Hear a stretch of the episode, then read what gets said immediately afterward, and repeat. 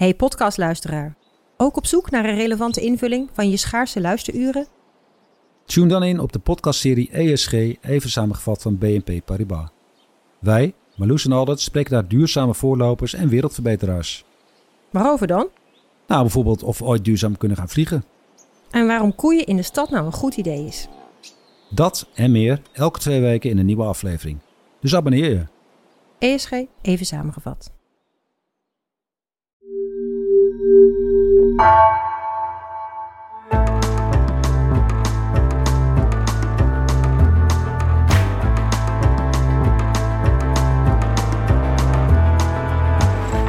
Welkom bij het uur. 50 jaar geleden kwam Koert Lindeyer voor het eerst in de Keniaanse hoofdstad Nairobi aan.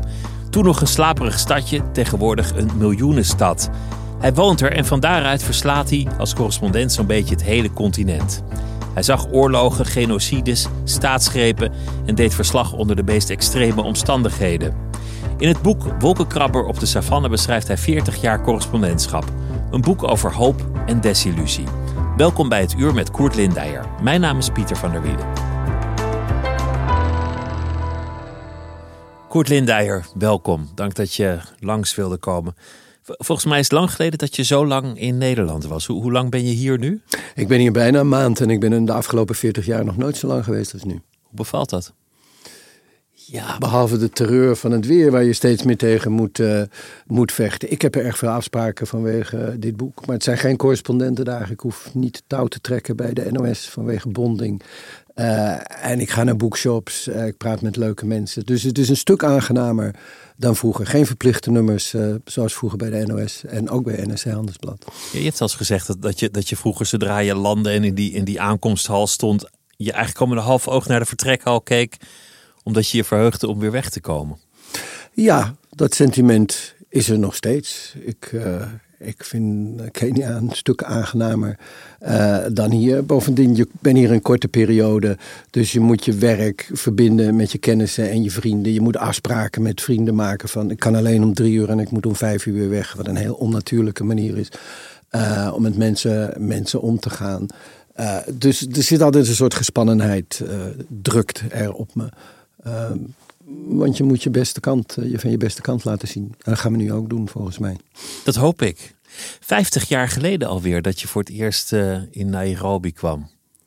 En toch is het als, als de dag van gisteren. Ik kwam weliswaar maagdelijk daar binnen. Ik begreep er heel weinig van in 1973. Maar het is alsof de reis toen begonnen is, weet je. En alsof ik nu de weerslag van die reis in het boek heb, uh, heb, heb gelegd. Ik ben nog steeds aan het leren, ik ben nog steeds aan het verkennen, ik verbaas me nog steeds over dingen.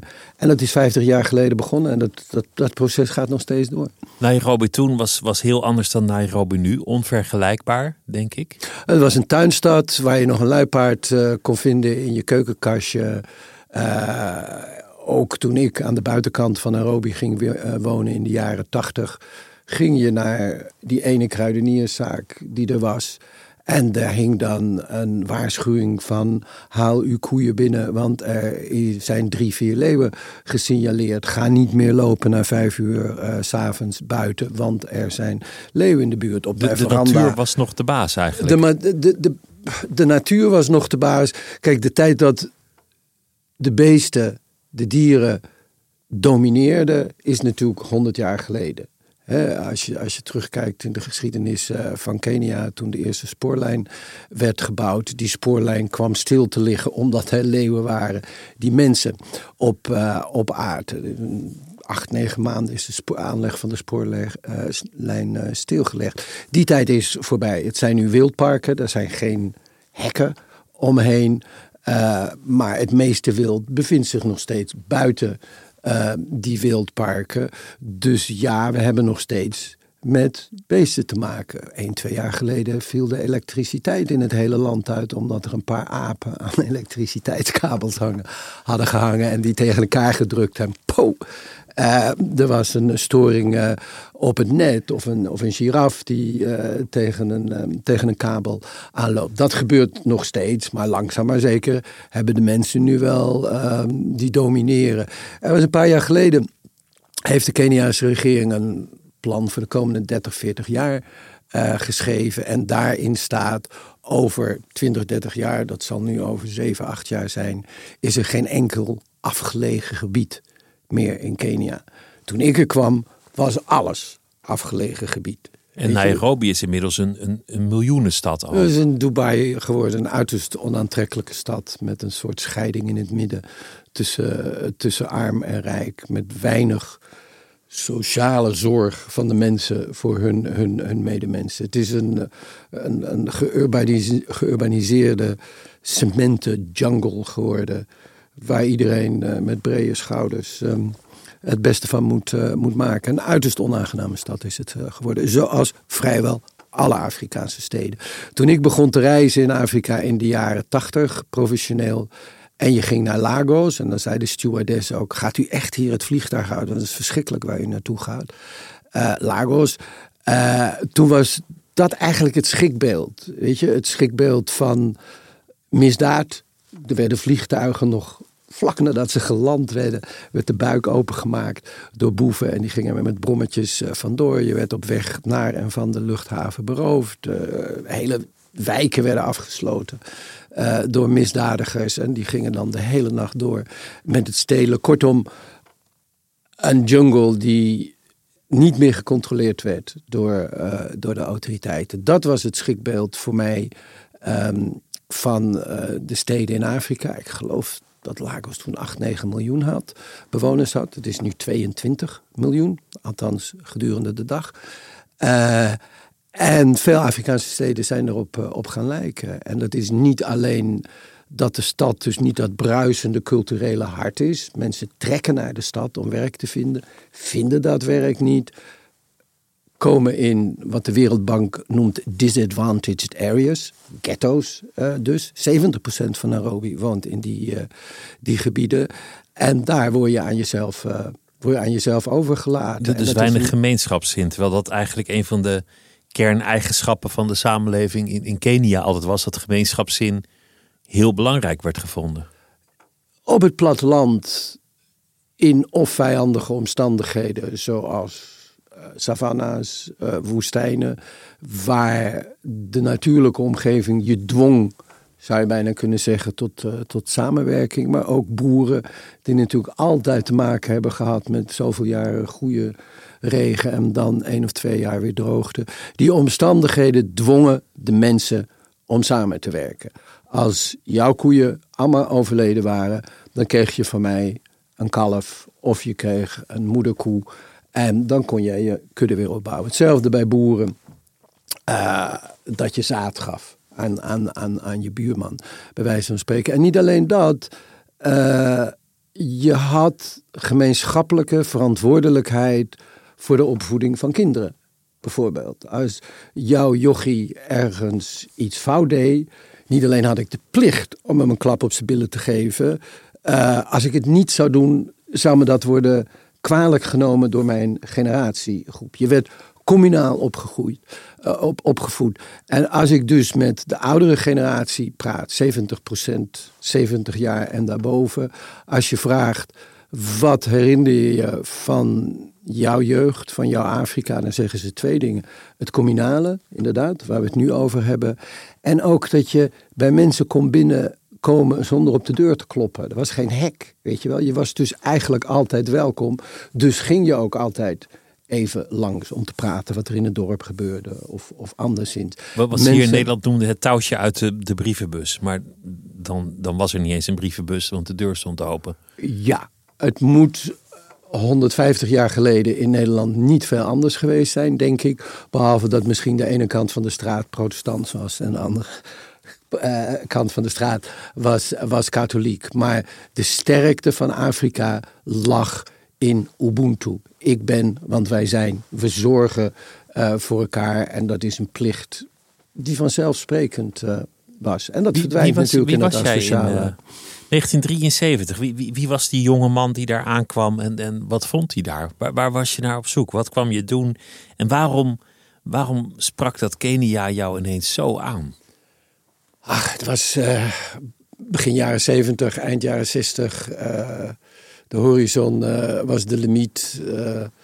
Je ging een heuvel op en je, omdat je wilde weten wat er achter die heuvel lag. En vervolgens ging je weer een heuvel op. Het was zuivere nieuwsgierigheid. En zoals kunstenaars, muzici, wie dan ook gedaan hebben, die hebben die tijd van die gigantische economische groei, want dat ging maar door met de economie, hebben die gebruikt voor buiten de grenzen naar nieuwe inspiratie te zoeken, buiten de grenzen of in de muziek, LSD, weet ik wat. Voor mij, ik nam dat letterlijk. Ik Jij was lid van die generatie en je, je, je was op zoek naar grenzen, naar, naar verbreding, verdieping. Zat er ook rebellie in? Ach, van mij part wel. Als, uh, als het normaal is dat je thuis blijft. Ik denk dat iedereen iets in zich heeft al. Kijk je maar naar de manier waarop de mens gebouwd is. Je loopt rechtop, je kan ver kijken, uh, je kan lang lopen. En ik denk dat het trekken naar andere orde iets heel menselijks is. Dat deden priesters vroeger op weg naar Rome. Dat doen um, moslims nog steeds op weg uh, naar Mekka. Uh, dus het zuiveren van de geest, het openstaan voor andere culturen, andere landschappen en je daarmee verrijken, jezelf verrijken. Ik denk dat dat in de mens zit. Ik heb niet het gevoel dat ik daardoor rebels ben. Het mooie is natuurlijk dat ik er een baan bij heb verzonnen, om het zo maar te zeggen. En dat deze krant en Hilversum mij gefinancierd heeft om al die reizen te maken. En doordat je correspondent kon worden, kon je al die bijzondere reizen maken, al die plekken bezoeken. Was, was het ook een drang om ergens vandaan te komen? Je, je, je beide ouders waren dominee. Heeft, heeft dat er iets mee te maken dat je, dat je uh, opgroeide in een milieu waar je vandaan wilde? Nou, misschien wel. Ik wilde uit Nederland. Je hebt toch al vrij snel door uh, dat Nederland heel klein is. Al ga je alleen maar naar het noorden van Europa, naar de toendra's uh, trekken. En je ziet die gigantisch grote vlaktes waarin je je weer voelt wat je bent. Namelijk die ene steen, die ene boom, weet je wel. Je bent niet, niet zoveel waard. Dus het zoeken naar andere landschappen, naar ruimte, heb ik altijd gehad. Mijn vader was dominee, zelfs mijn moeder was dominee. En mijn grootvader van mijn moeders kant, Willem Banning, was dominee. Uh, en uh, medeoprichter van de SDAP, later de P van de A. Ze hadden allemaal iets te zeggen en ze dachten dat daar naar geluisterd moet worden. En die overeenkomst heb ik, uh, heb ik met mijn, uh, mijn ouders. Ja, ik had niet het gevoel dat ik dominee wilde worden. Ik vond dat ontzaglijk uh, beangstigd, beangstigend. Maar ik ben daar niet, niet van weggelopen. Bovendien had ik een heel liberale vader en moeder ook. Die me wel mijn gang lieten gaan hoor. Ze hebben me niet elke, elke zondag naar de zondagschool gestuurd. Of ik hoefde ook niet naar de kerk van hem. En, en toen, je, je, had al reizen gemaakt hè? Naar, naar, ik geloof Zuid-Amerika was je al geweest als, als, als jonge man. En Azië. En Azië. En, en toen kwam je in Kenia. Wat sprak jou daar zo aan? Wat vond jij daar? Wie, wie werd jij daar anders? Ik ben natuurlijk eerst naar Afrika gegaan, toen Latijns-Amerika, toen Azië. En toen, ik wilde gewoon weten of mijn liefde voor Afrika, of dat niet liefde op het eerste gezicht kortom misschien bedrog was, of dat ik echt daar uh, wilde, wilde zijn. De extrovertheid van de mensen trok, trekt mij aan. Ik ontken niet dat ook het weer uitmaakt. Niet terreur van het, uh, van het weer. Je kan altijd buiten zijn. Je kan vrij met elkaar omgaan. Niet uh, binnen, binnen vier muren. Maar het was vooral ja, toch een heel onbekende wereld voor mij. Een mystieke wereld. Uh, ook deels. En die wilde ik doorgronden en die wilde ik begrijpen. En in die tijd, en misschien kan jij het je nog herinneren. Het enige het eigenlijk dat we van Afrika kenden, waren die filmpjes in de bioscoop over Zuid-Afrika. En dan zag je dan altijd van rechts naar links een auto van Shell rijden. Het was dus gewoon een reclame uh, voor Shell. Alles ging over Zuid-Afrika. De bijdrage die Nederland heeft geleverd aan het gedrocht apartheid Zuid-Afrika.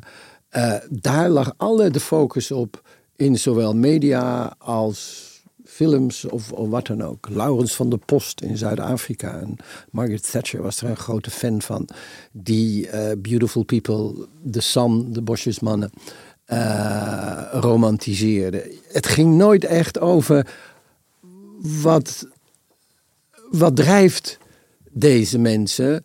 En natuurlijk, als je, hoewel het een kleine stad was, Nairobi, daar zie je een dingen die vergelijkingen tonen, vertoonden met Europa nu. Maar als je even naar buiten ging, dan was je bij de Maasai, dan was je bij de Turkana. En de manier waarop zij leefden binnen dat soms vijandige landschap, de manier waarop ze dansten, de manier waarop ze met elkaar omgingen. Ehm, niet een fotoboek dus, maar ik wilde verder. En ik had het geluk dat ik daar later ook uh, over mocht, uh, mocht gaan schrijven. In een tijd dat Afrika verschrikkelijk uh, begon te veranderen. Het is uiteindelijk gewoon nieuwsgierigheid naar hoe mensen met elkaar omgaan. Journalistiek heb je ook wel, zou ik zeggen, een zeker geluk gehad. Omdat dat je een gigantisch continent tot je beschikking hebt waar eigenlijk maar weinig correspondenten zijn. Waar, waar maar weinig. zijn en waren, ja journalisten komen en waar zulke grote, zulke wezenlijke verhalen aan de hand waren. En als, als ik je boek lees, sta ik versteld hoe makkelijk deuren voor je open gingen. Hoe makkelijk je presidenten kon interviewen. Hoe, hoe dicht je op het nieuws kon komen. Dat je, dat je eigenlijk in journalistieke opzicht, als je puur voor verhalen gaat, de wereld aan je voeten had liggen. In de jaren tachtig waren er twee soorten verhalen. De Tarzan-verhalen en die waren natuurlijk moorden in Congo, uh, alles wat bijna appelleerde aan de vooroordelen uh, van de witte mens over Afrika. En het was de Koude Oorlog. De Russen komen eraan, de Sovjet-Unie komen eraan. Nou, en, en apartheid dus. Maar ook dat werd weer geframed in de context van, van de Koude Oorlog. Afrika ruist en bruist van de verhalen, dus ik zag ze wel. Alleen ik had de ruimte er niet om over te schrijven. Ja, er waren ook heel weinig correspondenten. Nog steeds trouwens. Veel, veel, veel te weinig. Zeker nu. Er is weer een dip als het gaat om uh, de interesse voor Afrika. Dus zelfs een lullige correspondent uit Nederland kwam bij de nieuwe president van Tjaad binnen. Isen Abre in het begin jaren tachtig. Uh, wanneer je de moeite nam om te reizen met rebellenbewegingen van Yoweri Museveni, nu president in Oeganda, van Paul Kagame, nu president in, in Rwanda. Nou, ga zo maar door. Congo, uh, Eritrea en, um, en Ethiopië. Je werd daar verwelkomd, want er werd eindelijk over hun strijd gestreden. En er was heel weinig belangstelling voor. Laat staan dat de journalistiek inzag dat dit mensen waren die een strijd voerde die niet alleen gerechtvaardigd was, maar ook een kans, grote kans op slagen had. Zoals later is, is, is, is gebleken. Mensen die de geschiedenis gingen bepalen, die belangrijk zouden blijken. Absoluut. Ja, ja, zeker. Ik kijk nu met de social media hebben ze ons niet meer zo nodig. Weet je wel, ze tweeten wel iets en uh, later de satelliettelefoon, jaren negentig, die we konden gebruiken. Toen wisten deze leiders wel hun weg naar buiten te vinden, naar de media. Maar in die tijd was het heel bijzonder als er een journalist uh, langskwam. En dat waren ook de mooiste reizen, jongen. Dat, dat was drie, vier weken lopen door Tigray over kleine paardjes met een, uh, een harpspelende bodyguard en een fluitspelende vertaler. En je kwam in de verste orde en je mocht proberen te begrijpen waarom de bevolking die strijd uh, steunde. Dus niet alleen was het een gigantische ontdekking voor jezelf.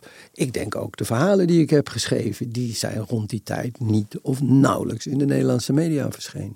Het gaf ook een bevrediging van ik doe iets wat andere mensen niet doen. Dat is altijd fijn, ik, toch? Ik las dat je, dat je Jozef Kony hebt geïnterviewd. Een van, een van de grootste schurken uit, uit de geschiedenis. Nou, niet alleen van Afrika, maar misschien wel van de wereld. Hoe, zit je daar dan? Dan zit je daar met je bandrecorder tegenover een man van wie je weet dat hij werkelijk tot alles in staat is. Ja, nou, als het gaat om, om een oorlogsmisdaad heb ik natuurlijk wel meer mensen uh, geïnterviewd die ledematen hebben afgehakt of opdracht hebben gegeven voor massale executie. Dus dat is niet zo heel. Daar ben je uh, aan. Uh, nou ja, je bent er niet aan. Ik bedoel, ook dat is een voorrecht. Dat je door de ziel van deze mensen probeert te reizen, probeert te begrijpen waarom ze doen uh, wat ze doen. En we hebben het nu over uh, prominente leiders die oorlogsmisdadigers waren. Je kan ook een interview hebben met iemand, bijvoorbeeld in Rwanda 1994, de genocide, die zelf mensen in stukjes heeft, uh, heeft gehakt en die dat bijna vrijwillig doet. Joseph Coyne, spijt me, zo spreek je het uit, niet Kony, Coin. Ehm, die ontmoette ik omdat ik een goede kennis, misschien wel vriend was geworden van de huidige president van Zuid-Soedan, Riek Machar. Die overlegde toen voor vrede, vlak na de onafhankelijkheid in uh, Zuid-Soedan, 2011. Uh, die ging de bush in van, uh, van Congo, want daar bevond Joseph Coyne zich. En er kwam een uiterst paranoïde man de bush uit, die steeds met die ogen rondkeek uh, of het toch niet een valstrik was, hij toch niet uh, uh, gedood zou worden. En ik was eigenlijk nog het meest verbaasd over zijn medestrijders. Weet je, Joseph Coyne, vaak, vaak is het zo bij rebellenbewegingen, althans bij bewegingen die misdadig zijn. Zoals Joseph Coyne die terreur gebruikte als oorlogstactiek. dus onschuldige mensen doden, daarmee het regime ondermijnen. Ze, ze vielen, eh, de LRA, het verzetsleger van de, eh, van de Heer, uh, viel nooit strategische doelen aan. Viel nooit militaire barakken aan, maar kinderen. Het was, was gewoon echt een moordmachine. Om het regime uh, te ondermijnen. En vaak wat je in Liberia zag, Charles Taylor, uh, Fodo Sanko in Sierra Leone, dat waren gedrogeerde jongetjes. Die dachten wanneer ze vrouwenkleren aandeden dat ze niet meer zichzelf waren. En dat dus niet zij die moorden begingen, maar die vrouw uh, in wie ze zich verkleed hadden, uh, pruiken. Uh, dat was een zekere magie, maar erg veel drugs. Heel veel drugs. Dat was niet het geval met Joseph Coyne. Joseph Coyne had de Bijbel. En uh, hij was zelf gigantisch spiritueel, magisch, dominerend. En al zijn volgelingen, wel of niet gekidnapt, maar sommigen ook uh, vrijwillig, die geloofden heilig. Ik gebruik het woord heilig, dus heel bewust hier. Die geloofden heilig in zijn spirituele krachten en dat hij dit deed in opdracht van een hoger, een hoger wezen. En ik vond vooral die jongens uh, met die, die, die, die, die kettingen met kogels uh, om hun middel over hun schouders. Vond ik, nou ja, fascinerend. Maar ik dacht, hoe hebben jullie ooit kunnen doen uh, wat, je, wat je doet? Joseph Coyne was een oorlogsmisdadiger die wist wat hij, dat hij de boel belazerde. Maar al die volgelingen, of ze nu van Charles Taylor waren of van Joseph Coyne, daar blijft die vraag bij van waarom deden jullie dit? Ben je er ooit dichterbij gekomen? Ben je ooit gaan begrijpen waarom mensen zulke dingen doen? Ik heb zeker nadat de oorlogen voorbij waren, heb ik met deze mensen gesproken. En ze zeggen allemaal, bijna allemaal, we, deden niet, we wisten niet wat we deden. We waren onder invloed van. En, um, en meestal middelen dan? Vaak middelen, maar ook, weet je, kindsoldaten die aan deze kant van de, van de wereld, in de witte wereld, iets oproepen van ach, wat zielig. En ik zou ze eigenlijk in huis moeten nemen en over een bol aaien.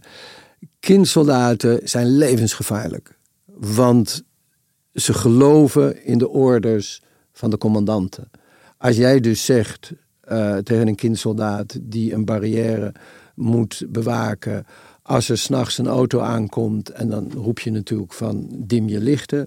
En als die dat niet binnen zoveel seconden heeft gedaan, heb je het recht te schieten op de plaats waar uh, de chauffeur zit. Als jij er staat op, uh, op volle leeftijd, denk je misschien, nou, die meneer heeft me niet gehoord, zal ik nog even wachten of zal ik er een keertje naast schieten. Maar kinderen doen precies wat ze, is, wat ze zijn opgedragen. Dus hun leven is niets waard?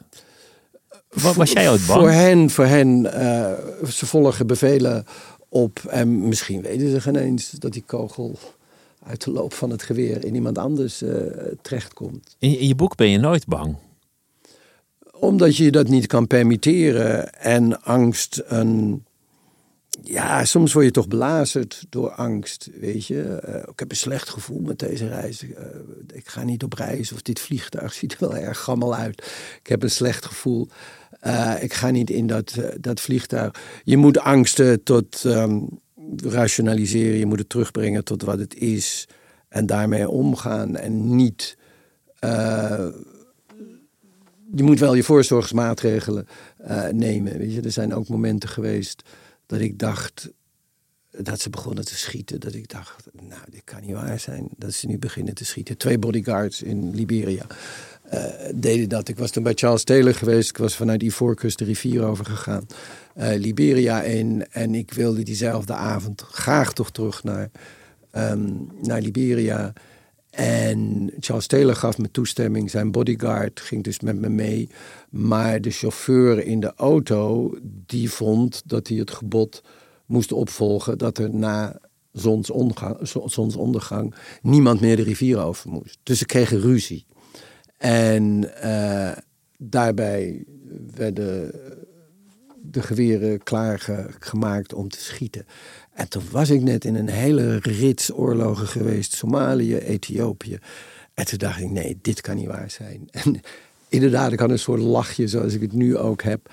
En ik dook niet weg. Er was niet veel uh, weg te duiken, want we reden in een hele lichte auto. En zoals je weet, uh, als er geschoten wordt, moet je niet achter een auto wegduiken. Oh, dat, niet... dat, wist ik niet. Je zegt zoals je weet, maar dat. dat nou ja, niet een shopping Honda. Weet je, als het, een, als het een auto met een heel zwaar motorblok is, dan gaat die kogel er niet doorheen. Maar door een uh, gewone auto die jij waarschijnlijk hebt, die gaat gewoon de ene deur en de andere deur weer uit. Dus als jij daarachter denkt bescherming te hebben dan heb je die bescherming niet.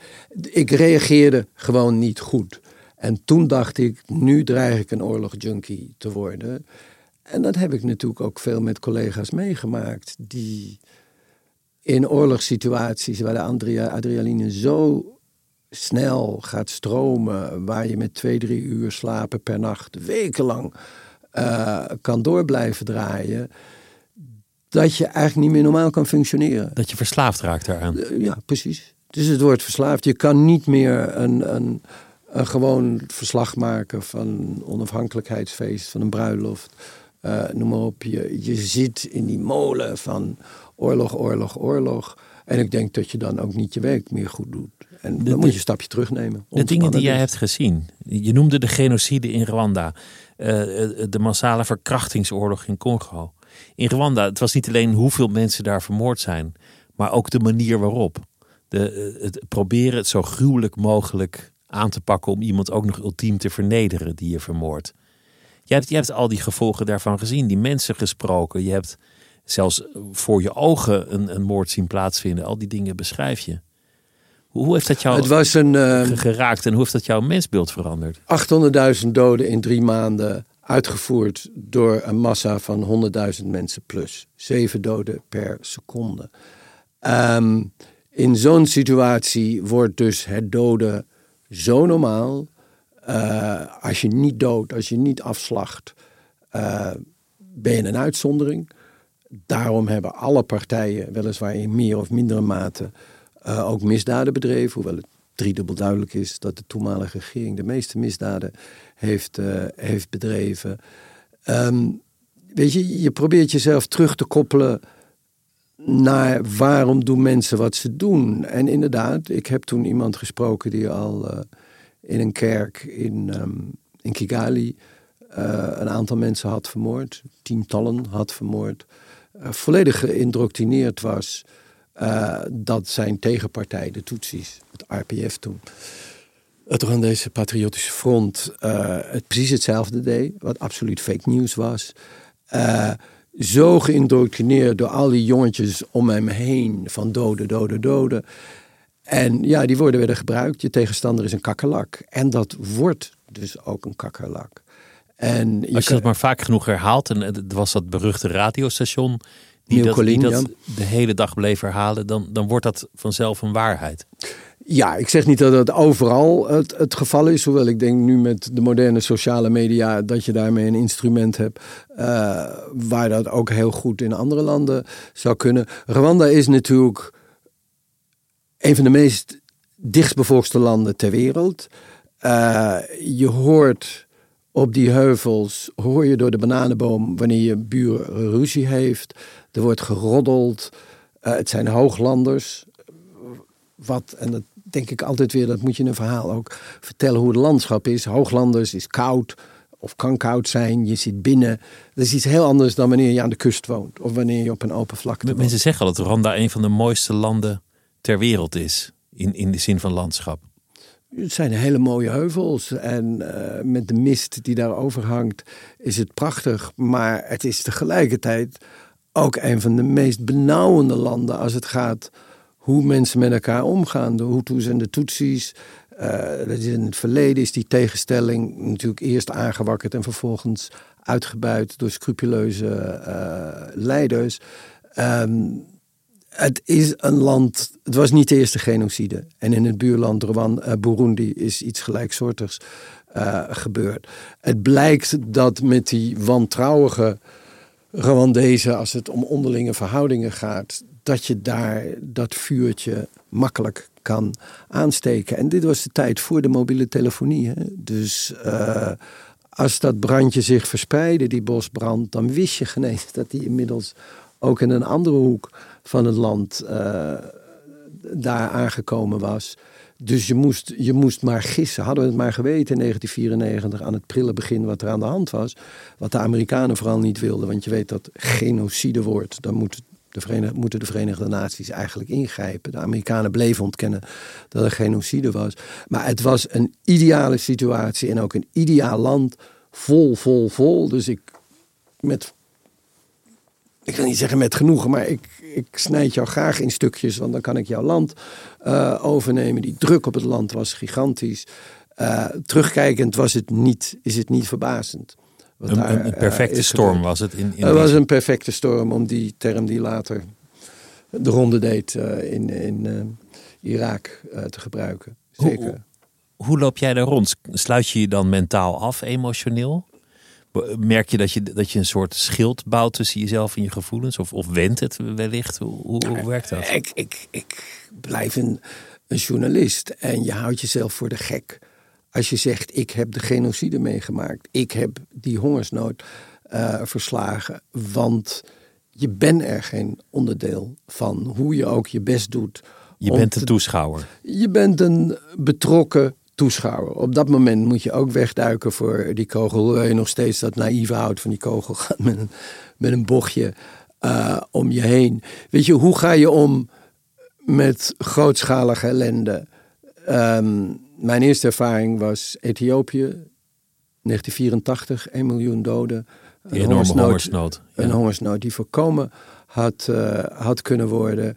En mijn reactie was toen uh, vechten of neuken nadat ik elke ochtend 150 uh, eh, lijken uitgelegd zag worden op de begraafplaats. Je kreeg daar lust van. Het, het wekte, wekte een soort. Nou ja, je vraagt je wat, wat, wat doe je nu met, met die gigantische emotie, met dat gigantische misère die je op je afkomt. En dit waren puur rudimentaire gevoelens. Ik dacht hier niet, niet over na. Later in uh, Oeganda heb ik een keer meegemaakt dat het, uh, het, leger van Museveni net de macht had overgenomen in Kampala. En die ging het verslagen regeringsleger achterna. En er zat letterlijk tien minuten tussen de strijders van Museveni en het verslagen regeringsleger. En tot mijn grote verbazing zag ik dat die jongens die tien minuten van die tien minuten gebruikten ze drie, vier minuten om te verkrachten. Dat heeft dus niets te maken met seksuele driften. Dat heeft te maken met vernederen, met gevoelens van geweld van je af. Er vanaf zien, uh, zien uh, te komen. Dus daar zag ik verkrachting en geweld. Want na de verkrachting werden de, de, de, werd de vrouw dan ook vermoord. Um, daar zag ik dus hoe geweld en verkrachting met elkaar te maken hebben. En in Congo, waar je al eerder aan refereerde, de penis as weapon of mass destruction. Zuivere vernedering wanneer een jongetje van 15 zijn grootmoeder op het dorpsplein moet verkrachten. Waar iedereen bij moet zijn om het te zien. En dan werden de, in Congo worden dan vaak zelfs de verkrachte persoon ineens gedood. Het is de ultieme vernedering waardoor dat hele dorp in een psychologisch trauma komt waar je nog, nou, in ieder geval honderd jaar mee zit, weet je wel, tot dus de laatste die, die persoon. ander moet zo klein mogelijk. Maar je, maar je zei over jezelf van, van, van dat, je, dat je ook een soort, soort reflex kreeg van ja, de adrenaline, die beschrijf je, maar ook de, de drang om op dat moment te neuken, zoals je. Zoals Ja, niet, niet, wat ik, niet dat ik dat gedaan heb. Ik bedoel, ik Nee, nam, de- het, de bij, mez- aandrang, wat- ik wat nam het bij mezelf waar. Je vraagt je ook in dat soort omstandigheden niet zozeer af hoe voel ik mij of hoe ga ik me- hiermee om. Je verbaast je erover wanneer je denkt dat seksbedrijven nog iets met liefde te maken heeft. Dat je opeens ziet dat het dus helemaal niet het geval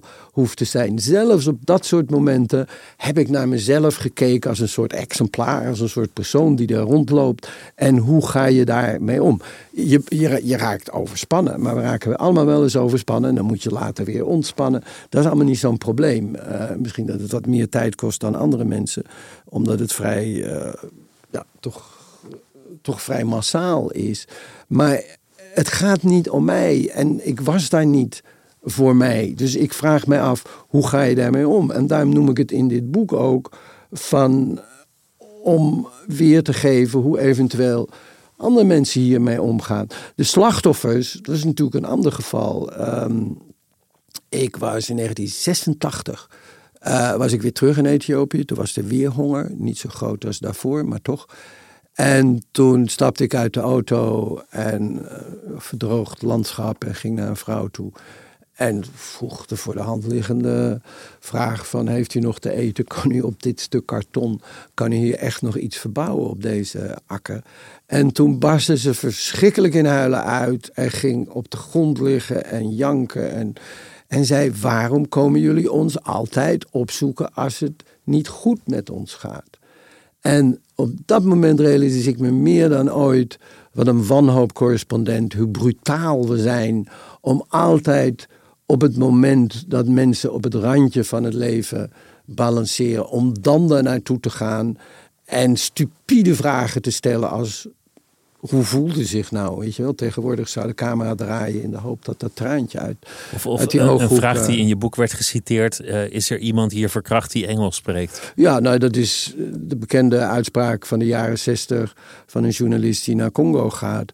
Eh, als je denkt dat door dat ultieme geweld, die ultieme misère, daarmee iets te vertellen over de situatie, doe je het fout. Dan is het steeds weer dat beeld bij een aardbeving dat het kleine kindje uit het gruis wordt gehaald. Daar vertel je het verhaal niet mee. Het verhaal is toch veel meer hoe gaan mensen om eh, met, met die ellende? Waar komt die veerkracht vandaan om het steeds weer opnieuw te doen? Misschien hebben ze het al tien keer eh, eerder meegemaakt. Dat is het verhaal waar je Dat over moet vertellen. In, in aanloop naar dit gesprek pakte ik even gewoon de, de bosatlas erbij. En, en wat, wat altijd frappeert in Afrika is de, de lineaal die je nog steeds ziet lopen tussen landen. De grenzen die door het Westen getrokken zijn. Heel veel van wat jij beschrijft volgt op de onafhankelijkheid van veel landen. Die hele periode. Het, het, het is eigenlijk postkoloniale geschiedenis. Al die oorlogen, die genocides, die, die hongers, die, die eh, ehm, staatsgrepen. Het zijn allemaal eigenlijk eh, fases die volgen op de koloniale geschiedenis.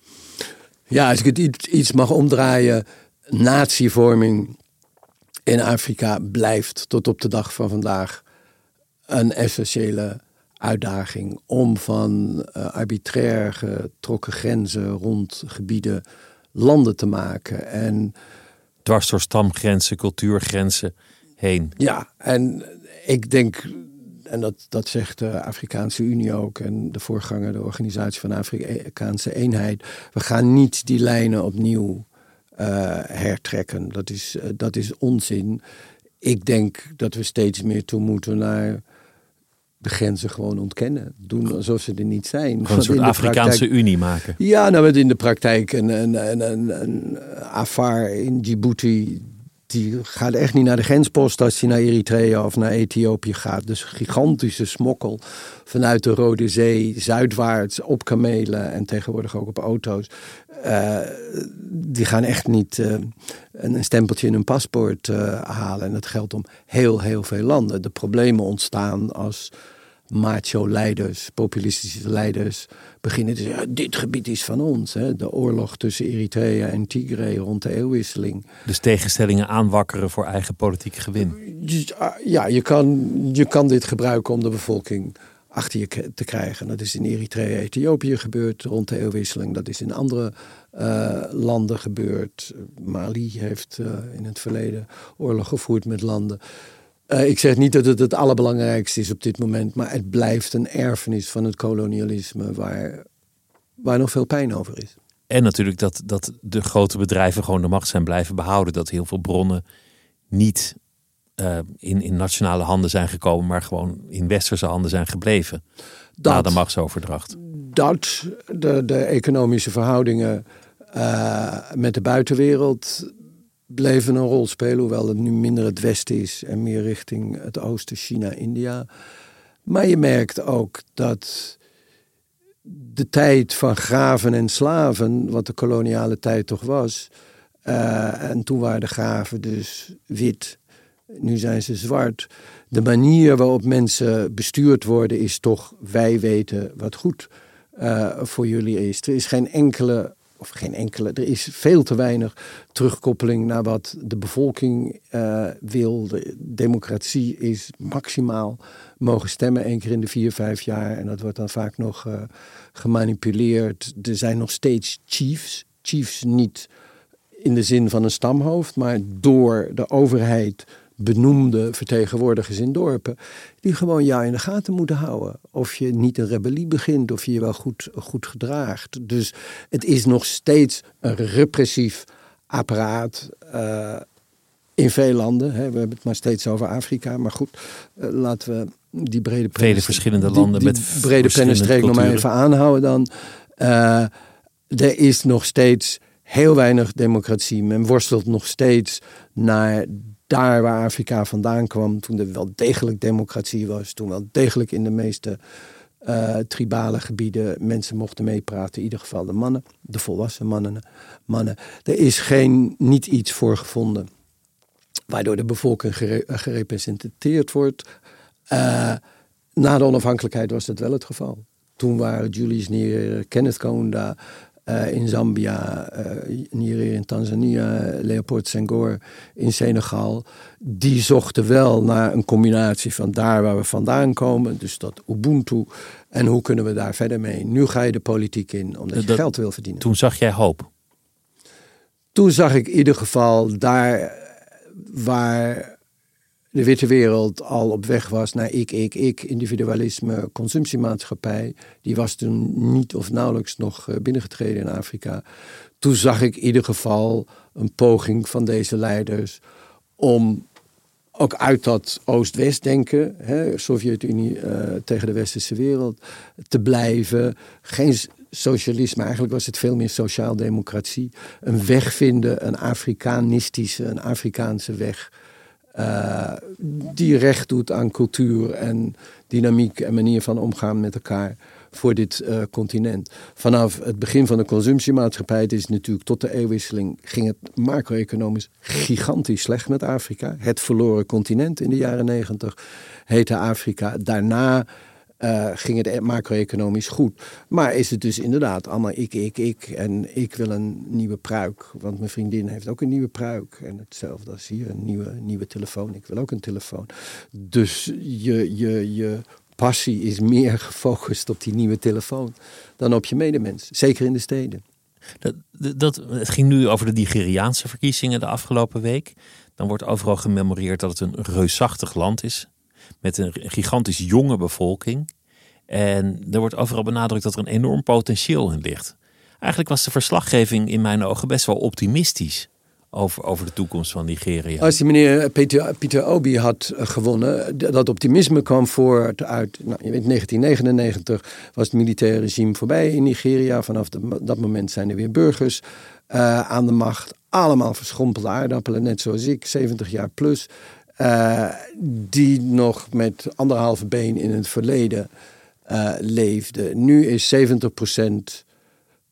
van de bevolking in Nigeria is beneden de 30 jaar. En dat is min of meer in alle Afrikaanse landen het uh, geval. Vaak stap ik de auto uit of ga ik naar markt en kijk ik om me heen en denk ik, verdorie zegt, er is hier niemand van mijn leeftijdsgroep. Het is echt heel opvallend hoe jong de bevolking is. En die bevolkingsgroep blijft natuurlijk de olifant uh, in de Kamer. Maar wanneer er gepraat wordt over de dynamiek van de jeugd, moet je ook heel erg denken aan al die bedrijven die nu nog meer gymschoenen daar kunnen verkopen. En nog meer mobiele telefoons kunnen verkopen. Is gewoon ook de markt die er opeens een gigantisch poten, potentieel ziet. Maar het is waar, de jeugd is gedetribaliseerd, is niet meer zo aan zijn stamafkomst of zijn regionale afkomst uh, gehecht als vroeger, is meer individualistisch uh, geworden. Wat ontzaglijk veel ruimte voor vrouwen heeft gegeven. De laatste 30 jaar is de positie van vrouwen in Afrika beduidend verbeterd. En ja, soms denk ik wel eens.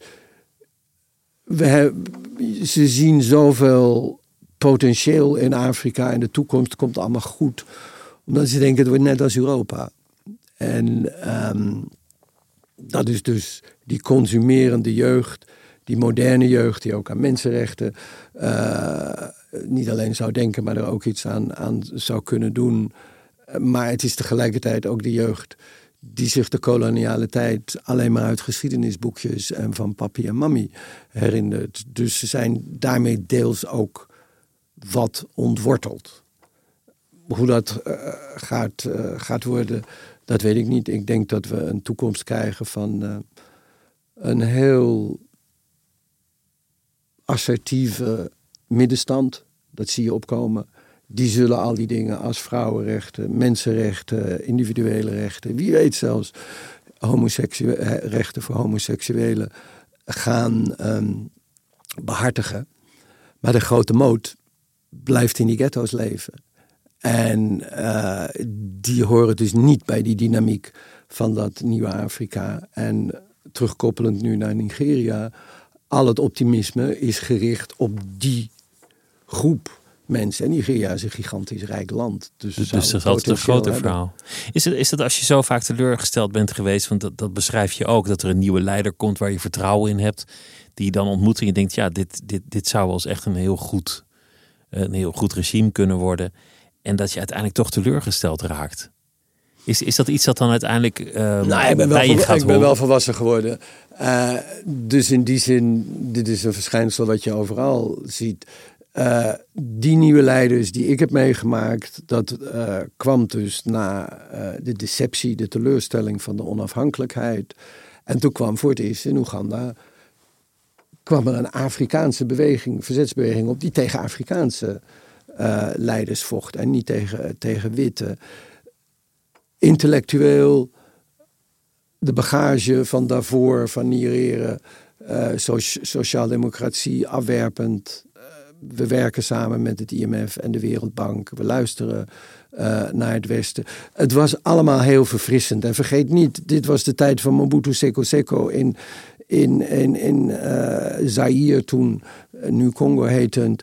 En die kwam elke dag op het televisiejournaal uit de wolken neer uh, dalen. En had iets magisch. Als een soort engel. Als een, als een engel. En, en zelfs ouders zeiden van... als je niet, niet je best doet op school, beste kinderen... dan komt Mobutu je vannacht halen. Weet je wel? Dus uh, de leider was God en de politieke leider tegelijkertijd. En hier kwamen opeens jonge, intellectuele uh, leiders op, weliswaar met een geweer aanvankelijk. En dat gaf de indruk van, dit is een gigantisch markeringspunt in Afrika. En dat is het ook geweest, alleen ze zijn blijven zitten.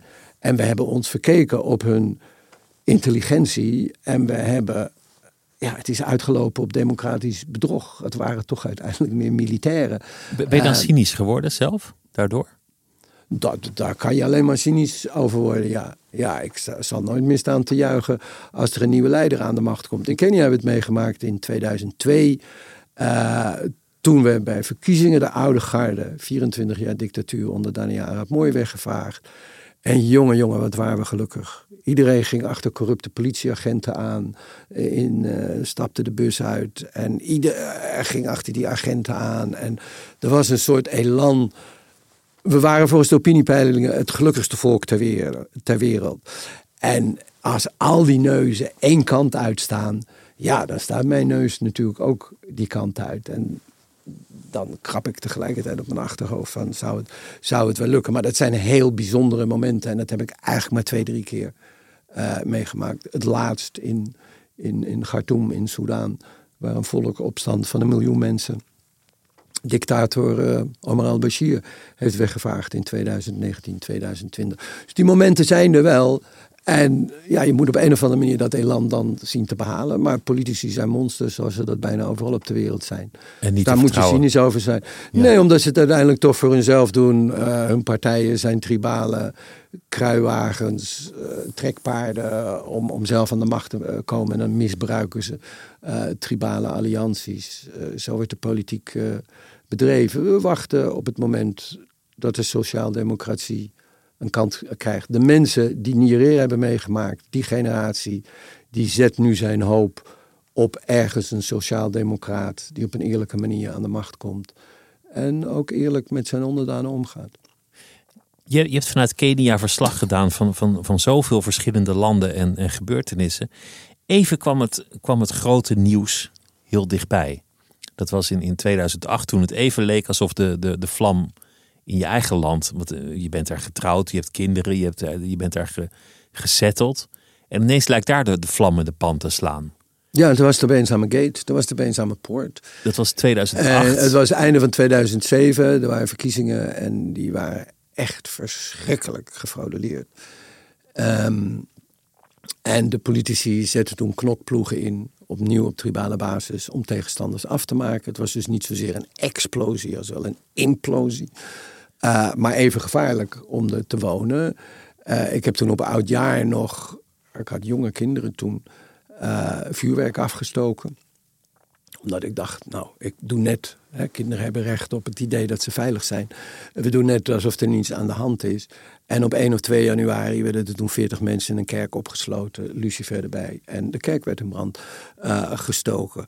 Toen kwam het opeens heel, heel dichtbij. Er waren voedseltekorten. Mijn vrouw Margaret komt van de Kikuyu-tribale groep. Die was toen de focus eigenlijk van uh, de woede over de verkiezingsfraude. De Kikuyu hadden het gedaan volgens de andere groepen. Er had een Kikuyu president had fraude gepleegd, dus werd dat op de Kikuyus af, uh, afgeschoven. Terwijl er natuurlijk een kartel van, van rijke mensen van de Kikuyus is. Daar heeft de gewone Kikuyu verder niets uh, aan bijgedragen. Maar zij moest toen, ja, ik moest mijn kinderen van school halen en ehm, omdat school vroeger uh, sloot, want de rellen, gewelddadige rellen, lijken op de straat. Uh, die kwamen steeds dichter bij de school. Of mijn vrouw, als ze voedsel ging zoeken, want alle winkels waren natuurlijk dicht. Dus je moet echt uh, op zoek gaan om nog wat te eten te krijgen. Die ging op de gymschoenen omdat ze, opdat ze snel kon, uh, kon wegrennen. Dus toen werd het beangstigend dat ik dacht: alles wat ik heb gedaan in de uitoefening van mijn vak, maar in een ander land waar ik altijd weer terugkom en uh, me kan waden en baden in de liefde en de warmte van mijn familie en mijn vrienden. Opeens was dat verdwenen. En toen moest ik gaan nadenken: wat ga ik met mijn kinderen doen? Gaan ze terug naar Europa? Nou, daar hebben we nooit aan gedacht. Voor Gods sake, waarom zouden ze naar Europa moesten? Maar ik woon een 200, 300 kilometer van de Tanzaniaanse grens. En dat zou onze vlucht route zijn geweest. Maar toen hebben we in de familie besloten, zullen we, uh, besproken, zullen we weggaan. Maar wij mijn kinderen begonnen te ruzien dat ze naar iemand wilden waar ze langs televisie konden kijken. Dus zo verschrikkelijk waren ze nog niet echt op de hoogte. Mijn oudste zoon was 16 jaar. Die had wel door dat, uh, dat er iets verschrikkelijks aan de hand was. Maar toen uh, kwam de ellende en het leed en het geweld opeens heel, heel dichtbij. Ja. Goddank heeft het maar twee maanden geduurd. Het, is met een sisser afgelopen. Wat, wat heb jij kunnen veranderen? Want jij werkt natuurlijk voor het publiek hier in Europa, in, in Nederland, via, de krant. Je zei van ja, de, de, mensen hebben toch altijd een beeld gehad van, van, van Afrika. Uh, het ging altijd over dezelfde verhalen. Je hebt, je hebt zoveel gedaan om ook de andere kanten te laten zien. Wat, wat, heb je eigenlijk voor beeld van je, van je publiek gekregen? Je stelt me nu wel een heel bombastisch zware vraag. Alsof ik voor het publiek schrijf en weet wat het publiek uh, weet. Ik weet natuurlijk het minste af van wat mijn publiek, mijn lezers um, weten. Wat ik Maar de redactie stelt jou wel vragen van... Ja, kan je hier nee, niet maar- iets over schrijven? Nee, Dit is aangeslagen. Het is, het is een teleurstelling. Je weet op een gegeven moment wel welke verhalen het goed doen. Zeker bij de radio. Als dat huilende kindje erin zit, als eh, dat geluid dat overkomt naar de luisteraar, dan weet je, daar kan je complimenten over. Eh, bij de krant is dat iets ingewikkelder, omdat daar natuurlijk toch over, ook over andere oorlogen en met leed veel geschreven wordt. En je moet met een goede pen erover schrijven. Ehm, is het beeld van Afrika als een behoeftig continent verdwenen? Ik vrees het niet. Ik denk dat na 2000 Afrika radicaal veranderd is. Eh, weliswaar misschien nog behoeftig is. Ik Turkije is ook behoeftig als er een aardbeving is. Maar ehm, we hebben de ontwikkelingshulp niet meer nodig. En we zijn niet zielig. En we kunnen een heleboel dingen zelf oplossen. Dat beeld van het behoeftige continent is helaas niet verdwenen. En de dynamiek die is ontstaan door die, die, die handelsrelaties met China. Waar China toch heel anders omgaat met Afrika dan het Westen. Geen opgeheven vingertje. We komen hier zaken doen. Waardoor de Afrikanen ook het idee hebben: oké, kom je zaken doen, komen we bij jou ook zaken doen. Zoals je weet, zijn er meer dan een miljoen Afrikanen die in, eh, in, in, in China wonen of daar zaken doen. Die correctie is niet aangebracht. En ik weet niet of dat in het DNA zit. Weet je, het is toch. ehm, als je met een hele brede pennenstreek over de relaties van Europa en het Westen wil praten, dan moet je beginnen waar het boek van Chinya Achebe, Things Fall Apart, begint. 1800 zoveel, waar de missionarissen komen en de ziel van de Afrikaan steelt. En dus Things Fall Apart, de wereld uit, uiteenvalt. Daarna de, de onafhankelijkheid. Nou, toen mochten Afrikanen dezelfde fouten maken als de Europeanen hadden gedaan. Toen kwam eh, de tijd eh, van eh, de, eh, de dictatuur van het IMF, het Internationale Monetaire Fonds en de Wereldbank. Als je geen geld hebt, nou, dan geen ziekenhuizen, dan geen, eh, geen onderwijs. Terwijl dat natuurlijk de grootste verdiensten van de onafhankelijkheid waren. En dan ergens rond die eeuwwisseling gaat het opeens macro-economisch geweldig goed. Nou, dat vertrouwen, dat is het markeringspunt na 200 jaar, 300 jaar misschien wel. Slavenhandel, alles eh, waarbij Afrika eh, door de witte wereld eh, de grond in is, is getrapt. Dat is het moment dat het zelfvertrouwen van Afrika is teruggekomen. En nu hebben we met een bruisend continent te maken dat zijn plaats opeist in de wereld. En je ziet het in de huidige crisis met de Oekraïne. De Koude Oorlog bij jullie was een heel warme oorlog in Afrika. Nu is jullie Koude Oorlog voorbij en heb je een warme oorlog. En nu zegt Afrika, sorry, het is onze oorlog niet, weet je wel. Eh, we kiezen geen partij. Er komt weer een beweging op van niet gebonden landen. Ik weet niet door wie die gedraaid kan gaan worden. Maar goed, Afrika laat zich niet meer dicteren door de buitenwereld wat het moet doen. Dat geldt op individueel gebied eh, voor Afrikaanse jonge zakenlui. En het geldt op het niveau van de politiek. Wat ik wel merk is dat, dat in, het, in het Westen de aandacht voor de Afrikaanse cultuur bloeiend is. De literatuur krijgt, krijgt eindelijk aandacht. De, de Prix Goncourt niet zo lang geleden bijvoorbeeld. Prachtig de muziek, ja. Ja. de, de film, de, de, de dans, theater.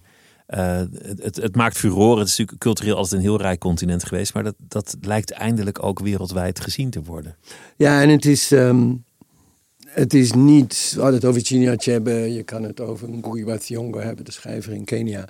Die blikken altijd terug op de koloniale periode. En op een of andere manier eh, halen ze daar, hielden ze daar hun, hun, eh, hun inspiratie uit.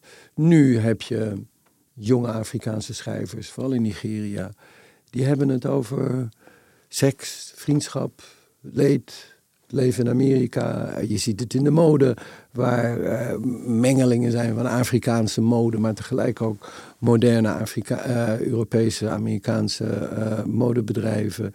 Je ziet de muziek die natuurlijk, ja, als ik zeg de muziek komt uit Afrika, chargeer ik, maar het ritme, de beat komt wel degelijk uit Afrika. Zie je die mengelingen komen? Dit prachtige boek waar je het over hebt, die de Prix Concours heeft, heeft, heeft gewonnen. Dat zijn allemaal nieuwe schrijfstijlen die niet meer zoals de oude garde steeds maar over vroeger gaan. Dus boeken die ook zouden moeten appelleren aan, eh, aan mensen hier in Europa. Dankjewel dat je, dat je langs wilde komen. En ik wens je heel veel uh, plezier en succes met alles wat nog komen gaat. Het boek heet Een wolkenkrabber op de savanne. Koert Lindeijer, dankjewel. Dankjewel. En dat was het uur voor deze week. Volgende week zijn we er weer.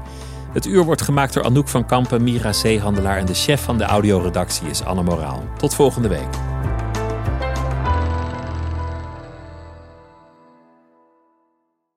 Technologie lijkt tegenwoordig het antwoord op iedere uitdaging. Bij PwC zien we dit anders. Als we de potentie van technologie willen benutten, kunnen we niet zonder een menselijk perspectief. Human-led, tech-powered noemen we dat. Ga naar pwc.nl.